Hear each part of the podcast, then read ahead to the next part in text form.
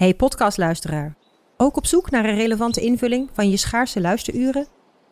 Tune dan in op de podcastserie ESG, even samengevat van BNP Paribas.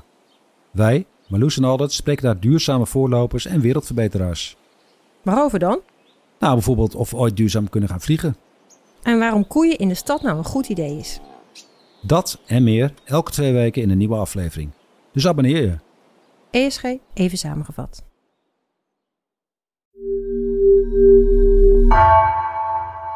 Hey Geertje, jij zit nu tegenover mij. Je gaat zo op mijn plek zitten. Maar vorige week presenteerde jij ook al een aflevering. En ja, we realiseerden ons ineens, we hebben jou nooit geïntroduceerd hier. Dus sorry daarvoor. Nou, kan gebeuren. Geef niet, we proberen het gewoon nu een keer. Wil jij eens vertellen wie jij bent? Ja, zeker. Ik werk eh, op de economieredactie van NRC. En eh, een tijdje terug zat ik hier om te praten over de horeca. Ehm, en daarvoor heb ik heel lang geschreven over de agrarische sector. En jij wordt nu een van de presentatoren van NRC Vandaag. Ja, klopt. Samen met uh, Floor Boon en met jou. Nou, dan ga ik aan de kant. Vanaf de redactie van NRC, het verhaal van vandaag. Mijn naam is Geertje Tunter.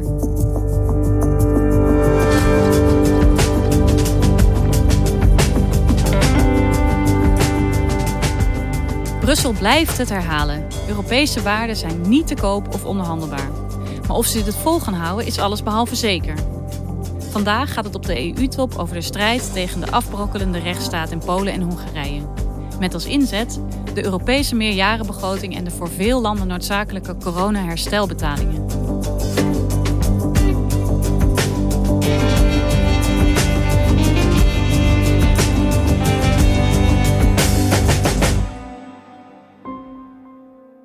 Vandaag probeert de EU eigenlijk een forse binnenbrand te blussen. Het vuur daarvan, dat, dat smeulde de afgelopen jaren al wel flink. En het gaat over de discussie van wat is nou eigenlijk een gezonde rechtsstaat? En welke afspraken zouden we daar binnen Europa over moeten maken? Clara van der Wiel is EU-correspondent voor NRC. Landen, met name in West- en Noord-Europa, zien met ledenogen aan hoe in uh, andere delen van Europa, met name Oost-Europa, de rechtsstaat steeds meer onder druk komt te staan en de democratie wordt uitgekleed. En ze zeggen eigenlijk van ja, dat kan niet in één Europese Unie waar we met z'n allen zitten. Waar universiteiten worden gesloten, rechters worden vervolgd, waar kritische media niet kunnen voortbestaan. We see Poland crossing red line after red line. En aan de andere kant staan Polen en Hongarije die eigenlijk vinden dat andere landen en Brussel zich niet zo moeten bemoeien met de manier waarop zij hun eigen land in willen richten. There were some attempts to educate us about rule of law. And it's unacceptable. Het ligt echt heel gevoelig, omdat er is ook een lange geschiedenis van die landen waarin ze overheerst zijn door buitenlandse machten. En dat zie je ook wel in de manier waarop ze reageren op de kritiek vanuit andere landen. Dus er komen meteen allerlei vergelijkingen met, ja, ze proberen van de EU een Sovjet-Unie te maken. Er wordt gehint naar van, ja, Duitsland probeert ons weer te overheersen. Dus vergelijkingen gemaakt met eh, de nazi-overheersing. Dus je ziet dat al die historische vergelijkingen dan meteen van zolder worden gehaald. Ja, en je had het over dat smeulende vuur. Uh, hoe heeft dat conflict zich verder ontwikkeld? Ja, dat brandje is de afgelopen jaren steeds meer uh, opgeleid. De Europese Commissie gaat onderzoek doen naar de rol van de hoogste Poolse rechters. Door een omstreden nieuwe wet zouden die niet langer onafhankelijk zijn. Uit onderzoek van de Nederlandse Europarlementariër Judith Sargentini is gebleken dat Hongarije zich niet aan de EU-regels houdt. De Europese Commissie dreigt met harde maatregelen tegen Polen. Bekeken wordt of het stemrecht van dat land over alle Europese onderwerpen kan worden ontnomen als het gaat over de rechtsstaat, wordt het ook wel snel een wel eens niet te spel. Omdat elk land in de EU heeft zijn rechtsstaat op een andere manier ingericht. En kunnen landen naar elkaar gaan wijzen van ja, maar zij doen het ook niet goed. In Spanje bijvoorbeeld worden rechters ook politiek benoemd. Maar het gaat om de hele structuur van zo'n rechtsstaat. En daarvan kun je wel echt zeggen dat dat in Polen en Hongarije echt consequent wordt uitgehold. En nu komt het echt tot een uitbarsting vandaag. En uh, ja, moet het worden uitgevochten op een Europese topontmoeting. En wat staat er vandaag eigenlijk op het spel? Vandaag gaat het over de Europese meerjarenbegroting. En dat is uh, ja, de grote pot met geld om ervoor te zorgen dat de EU dat daar alles een beetje goed in draait. Dus ja, het zijn landbouwsubsidies, maar het zijn ook de salarissen van de EU-ambtenaren. Nou, en Polen en Hongarije die hebben gezegd: wij blokkeren die begroting totdat een voorstel om een zogeheten rechtsstaattoets voor die, voor die EU-gelden voordat die van tafel gaat. Waar is dit begonnen? Om lid te worden van de EU zijn er eigenlijk een paar voorwaarden. De eerste, een land moet een stabiele democratie hebben en uh, een rechtsstaat die de mensenrechten eerbiedigt en de bescherming van minderheden waarborgt. Nou, het tweede is dat een land een goed draaiende markteconomie moet hebben en ook opgewassen moet zijn tegen de concurrentie uh, van andere EU-landen. En ten derde moet een land de gemeenschappelijke wetten en regels van de EU overnemen. Toen Polen en Hongarije lid werden van de EU in 2004, toen werd er allemaal gecontroleerd of dat het geval was. En ze hadden daarvoor erg hun best gedaan. En de jaren daarvoor zijn er veel hervormingen doorgevoerd. Dus ze voldeden op een gegeven moment aan die standaarden en mochten lid worden van de EU. Dus in 2004 was het allemaal helemaal in orde? Ja, nou kijk, er zijn altijd nog wel puntjes die beter kunnen. Maar voor de EU was het voldoende om ze eigenlijk binnen de club te laten. Maar in de EU is het veel lastiger om te controleren wat er gebeurt als landen al eenmaal binnen zijn. Neem bijvoorbeeld in Hongarije. In 2010 kwam Viktor Orbán daar aan de macht. En die is eigenlijk op dat moment meteen begonnen met een heel pakket aan hervormingen, waardoor er allerlei dingen veranderden in de rechtspraak en de manier waarop de media georganiseerd zijn. Hetzelfde geldt voor Polen. Toen de partij PiS daar in 2015 de grootste werd, zijn ze daar ook begonnen met een hele grote hervorming van de rechtspraak. En wat, wat moet ik me voorstellen bij een hervorming? Nou, in Polen gaat het er bijvoorbeeld om dat de pensioenleeftijd uh, waarop rechters uh, met pensioen moesten in het constitutioneel hof verlaagd werd, waardoor een hele grote opschoning meteen van het constitutioneel hof plaatsvond. Verder uh, is de politieke controle op de benoeming van rechters heel erg vergroot. Is er een speciale tuchtkamer ingesteld die rechters allerlei straffen kan opleggen als ze zich kritisch tonen over de overheid. Uh, dus dat zijn allerlei manieren waarop eigenlijk die rechtspraak steeds meer onder die politieke controle is gekomen. En dat heeft ook echt wel directe gevolgen. Want onlangs heeft het Constitutioneel Hof, dat dus helemaal onder politieke controle is komen te staan, heeft geoordeeld dat eigenlijk vrijwel alle vormen van abortus verboden moeten worden. Waardoor het in de toekomst uh, voor Poolse vrouwen eigenlijk praktisch onmogelijk wordt om nog een abortus te hebben. En ze hebben ook op allerlei andere plekken in, in de rechtspraak hebben ze ja, ja, partijgetrouwe rechters neergezet. Wat echt wel gevolgen heeft voor Polen die steeds minder eh, kans hebben op een eerlijke rechtspraak. Ja, en kan je vertellen wat er bijvoorbeeld in uh, Hongarije is gebeurd sinds Orbán aan de macht is? Nou, op het moment dat Viktor Orbán en zijn partij Fidesz in 2010 aan de macht kwamen, zijn ze eigenlijk ook begonnen meteen met hele heftige hervormingen. Uh, bijvoorbeeld uh, het verzwakken van het constitutioneel hof, zodat die um, weinig invloed meer konden uitoefenen op nieuwe wetgeving. En vervolgens kon hij dus ook heel makkelijk nieuwe wetgeving doorvoeren. Bijvoorbeeld die het verbiedt om politieke campagnes buiten de staatsmedia te voeren. Hij riep een in het leven, waardoor hele hoge boetes kunnen worden opgelegd aan media die, uh, die een onwelgevallig geluid laten horen. Hij heeft allerlei media op laten kopen door uh, partijgetrouwen, waardoor er steeds ja, minder divers geluid in de media te horen is. Hij heeft het heel moeilijk gemaakt voor NGO's en andere publieke instellingen om financiering te krijgen. Dus zo zie je dat door het aanpassen van de rechtsstaat eigenlijk een heel land echt hervormd kan worden. Ja, en toen Polen en Hongarije lid werden van de EU, deden ze dus nog hun best. Nu ondermijnen ze de EU-waarden. Welke gevolgen heeft dat? En dat zijn natuurlijk dingen waar de EU zich zorgen over maakt, omdat het indruist tegen de waarden waar de EU voor zou willen staan. Uh, maar het heeft ook gevolgen voor bedrijven. Ik bedoel, uh, als jij er niet van op aan kan dat er in een ander land een eerlijk rechtssysteem is, wat jouw investeringen ook beschermt en waardoor jij je veilig voelt om ergens te investeren, dan word je daar huiverig voor. Dan heb je daar eigenlijk helemaal geen zin meer in. En dat zet ook de interne markt die de EU is onder druk. Maar het probleem met de EU is een beetje dat als je eenmaal binnen bent, dan is het heel lastig om nog daar heel veel uh, controle op uit te oefenen. Dus er is best een strenger portier, staat er aan de deur. Maar als je eenmaal binnen zit, dan is het heel lastig om ook daadwerkelijk iemand in het gareel te houden. Maar toch krijgen ze wel veel kritiek, hè, Polen en Hongarije vanuit de EU. Wat, wat vinden zij daarvan? Zij zijn het daar helemaal niet mee eens. Ze zeggen bijvoorbeeld van ja, wij voeren gewoon een conservatieve politiek. Kijk, daar, daar kun je het niet mee eens zijn. Dat is prima. Maar dat is wel gewoon een keuze. En uh, bedoel, als je lid bent van de EU, dat betekent niet dat je geen conservatieve politiek zou mogen voeren. Gericht op bijvoorbeeld familiewaarden, op meer het behoud van de tradities. Dus zij zeggen van ja, daar gaat de EU eigenlijk helemaal niet over. Wij willen dat gewoon zelf kunnen doen. En daarnaast zeggen ze ook dat het hypocriet is. En dan wijzen ze bijvoorbeeld inderdaad naar Nederland, dat niet eens een constitutioneel hof heeft. Dus uh, ze Ze zeggen eigenlijk van wij worden ongemeen hard getroffen.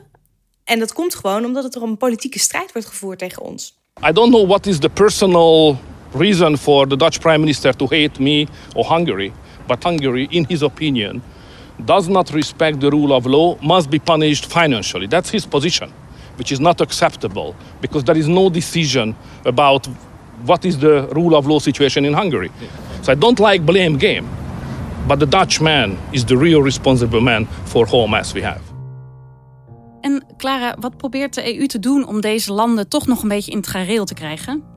Nou, op het moment dat Orbán begon met zijn hervorming in 2010, toen was er eigenlijk al meteen best wel veel ophef in de EU.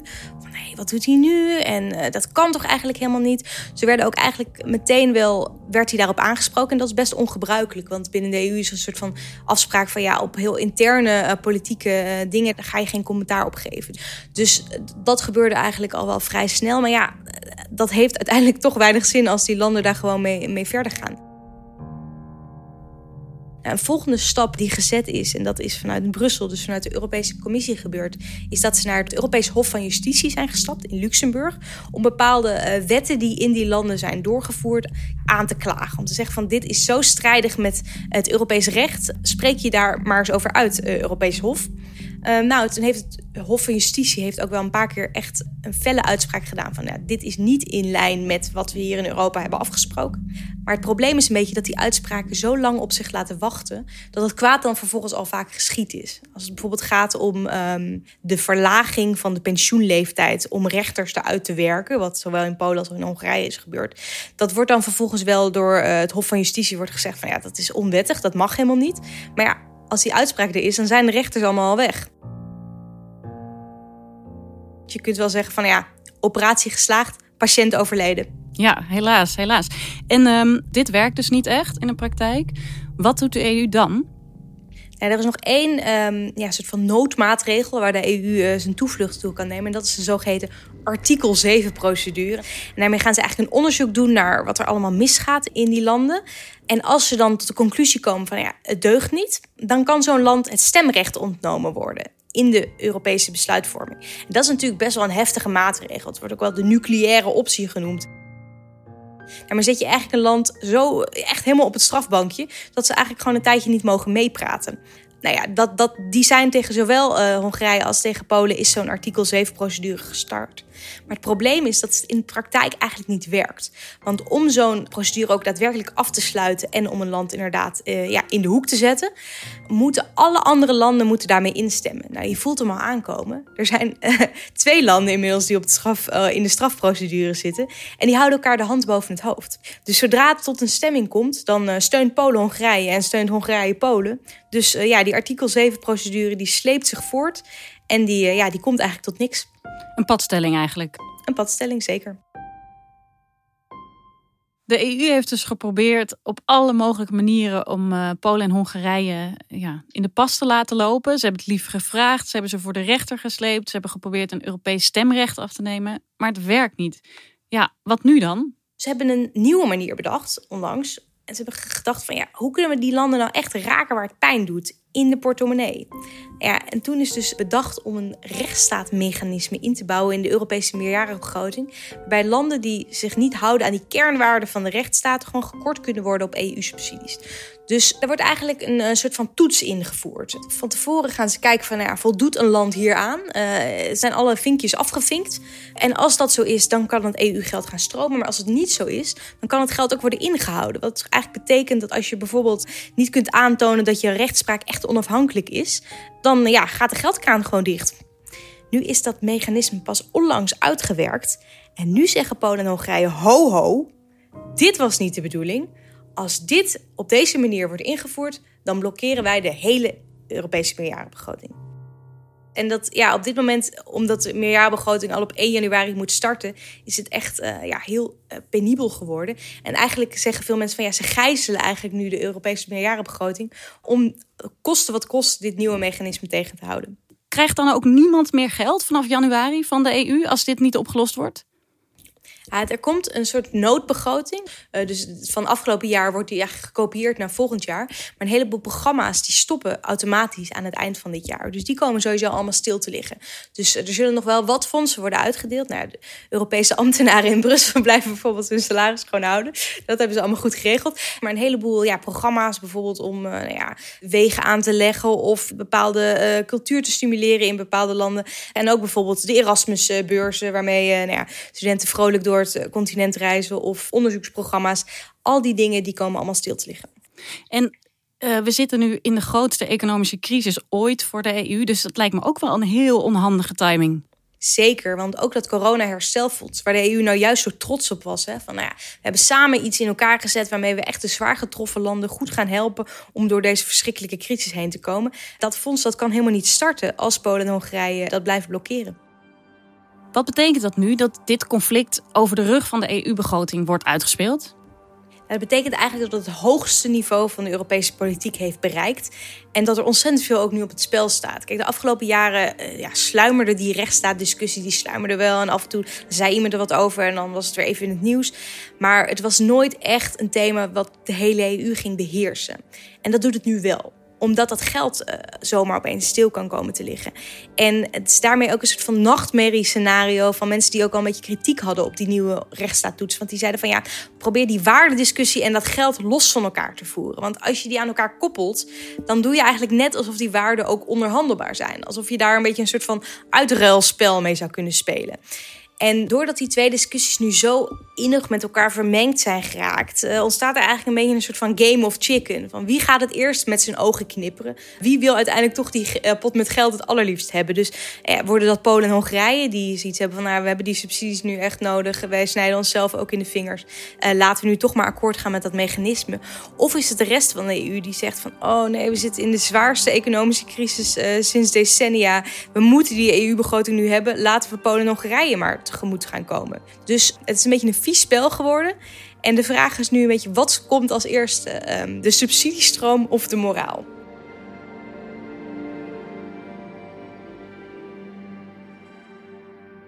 Ja, en dat vieze spel, daar zitten ze natuurlijk nu middenin met z'n allen daar. Uh, hoe komen die EU-leiders straks naar buiten? Het slechtste scenario is natuurlijk dat Hongarije en Polen volharden in hun blokkade en we straks eigenlijk zonder EU-begroting zitten en alles stilvalt. Ja, het beste scenario is als er wel een oplossing wordt gevonden. En wat je dan voorafgaand aan zo'n top ziet, is dat er in de wandelgangen wel een beetje wordt gekonkelevoest. En daaruit ontstaat nu wel het beeld dat het wel eens goed zou kunnen gaan komen. Maar helemaal zeker is het nog niet. Dat betekent eigenlijk dat er een soort van geitenpaardje wordt gevonden. Uh, waarin het EU-hof een, uh, een, rol krijgt. Echt zo'n typische Brusselse oplossing. Waar iedereen dan zijn handtekening onder kan zetten. En uh, ja, dan gaat men weer tevreden uit elkaar. Maar dat betekent natuurlijk niet dat hiermee um, een soort van eind is gekomen aan de discussie over de rechtsstaat in de EU. Want kijk, dit vuurtje is dan nu even uitgetrapt. Maar um, de problemen daarmee en en, en de zorgen over de rechtsstaat in Oost-Europa, dat blijft natuurlijk gewoon wel smeulen. En er komt ongetwijfeld wel weer een moment waarop die vlammen weer eruit zullen gaan slaan. Maar wat ik me dan afvraag, hè, als die rest van die lidstaten, als die zich in zoveel bochten moeten wringen om andere lidstaten enigszins op de vingers te kunnen tikken, dan zit er toch gewoon iets fundamenteel fout in de fundering van de Europese Unie. Ja, zeker. En dat zeggen critici ook wel. Van ja, als de EU er niet in slaagt om eigenlijk ja, binnen haar eigen waardegemeenschap, wat de EU ook is, um, iedereen uh, op dezelfde lijn te krijgen, dan, ja, dan, dan ontbreken dus kennelijk de instrumenten om die EU echt goed bij elkaar te houden tegelijkertijd is het natuurlijk, je kunt maar zoveel doen vanuit de EU. Uiteindelijk zijn, zijn het landen zelf die uh, bijvoorbeeld hun eigen uh, rechtspraak uh, op een bepaalde manier mogen inrichten. Uiteindelijk is het een democratisch land. Stemt de bevolking op bepaalde partijen en ja, kiezen landen er in die zin ook voor om een andere koers te gaan varen. Je kunt je dan natuurlijk wel afvragen van horen die landen dan eigenlijk nog thuis in de EU. Op dit moment is er geen manier om landen, ja, bij wijze van spreken, gewoon eruit te, te gooien. Maar landen kunnen natuurlijk wel zelf verkiezen om, uh, om niet meer bij de EU te horen. Wat bijvoorbeeld het Verenigd Koninkrijk een paar jaar terug heeft gedaan. Klinkt ook een beetje alsof ze bij het opstellen van de regels niet echt hebben nagedacht over dat landen zich überhaupt wat ondemocratischer zouden kunnen ontwikkelen. Nee, dat klopt. Kijk, in begin deze eeuw was er inderdaad nog een soort van heel optimistisch geloof van, nou ja, uiteindelijk uh, willen eigenlijk alle landen het liefst heel erg op Nederland lijken. Dus uh, hup, haal ze bij de EU en dan komt alles helemaal goed. Nou ja, dat bleek toch anders te zijn. En die landen die, ja, die ervaren dat ook wel een beetje zo van, ja, we willen eigenlijk helemaal niet meer per se op West-Europa lijken. Wij voeren onze eigen koers. En als dat een veel traditionelere, conservatieve koers is dan jullie gewend zijn, nou ja, dat is jullie probleem dan. Wij hebben er niet zoveel mee om alleen maar West-Europa te imiteren. Ja, en als zij West-Europa zo zat zijn, hè, uh, als we het dan over Hongarije en Polen hebben, je zou ook kunnen zeggen, ja, waarom stappen ze er dan niet uit? Ik bedoel, dan kunnen ze toch ook op eigen houtje lekker doen, dan bemoeit niemand zich meer met ze. Ja, nou, die, die dreigementen die klinken ook wel eens uit Oost-Europa, maar tegelijkertijd klinken ze ook een beetje hol. Want de landen profiteren ontzettend veel van hun lidmaatschap van de EU. En de bevolking eh, blijkt ook ontzettend pro-EU eh, uit allerlei opinieonderzoeken. Dus um, kijk, ze krijgen natuurlijk heel veel EU-subsidies, maar ze profiteren ook van de deelname aan de Europese interne markt. Dus de kans dat zij er zelf voor kiezen om uit de EU te stappen, die is niet zo heel groot. Maar je kunt je natuurlijk wel voorstellen dat als deze ja, rechtsstaatdiscussie maar op blijft laaien en uh, de komende jaren misschien nog wel verder gaat escaleren, dat dat gesprek daarover wel uh, voortdurend uh, gevoerd zal gaan worden. Ja, maar in de praktijk willen ze eigenlijk nu in ieder geval helemaal niet weg. Die kans acht ik ontzettend klein dat ze daar echt voor zouden kiezen, ja. Dankjewel, Clara. Graag gedaan, Geertje. Je luisterde naar Vandaag, een podcast van NRC. Eén verhaal, elke dag. Deze aflevering werd gemaakt door Ruben Pest en Henk Ruigrok van der Werven. Chef van de audioredactie is Anne Moraal. Dit was vandaag, morgen weer.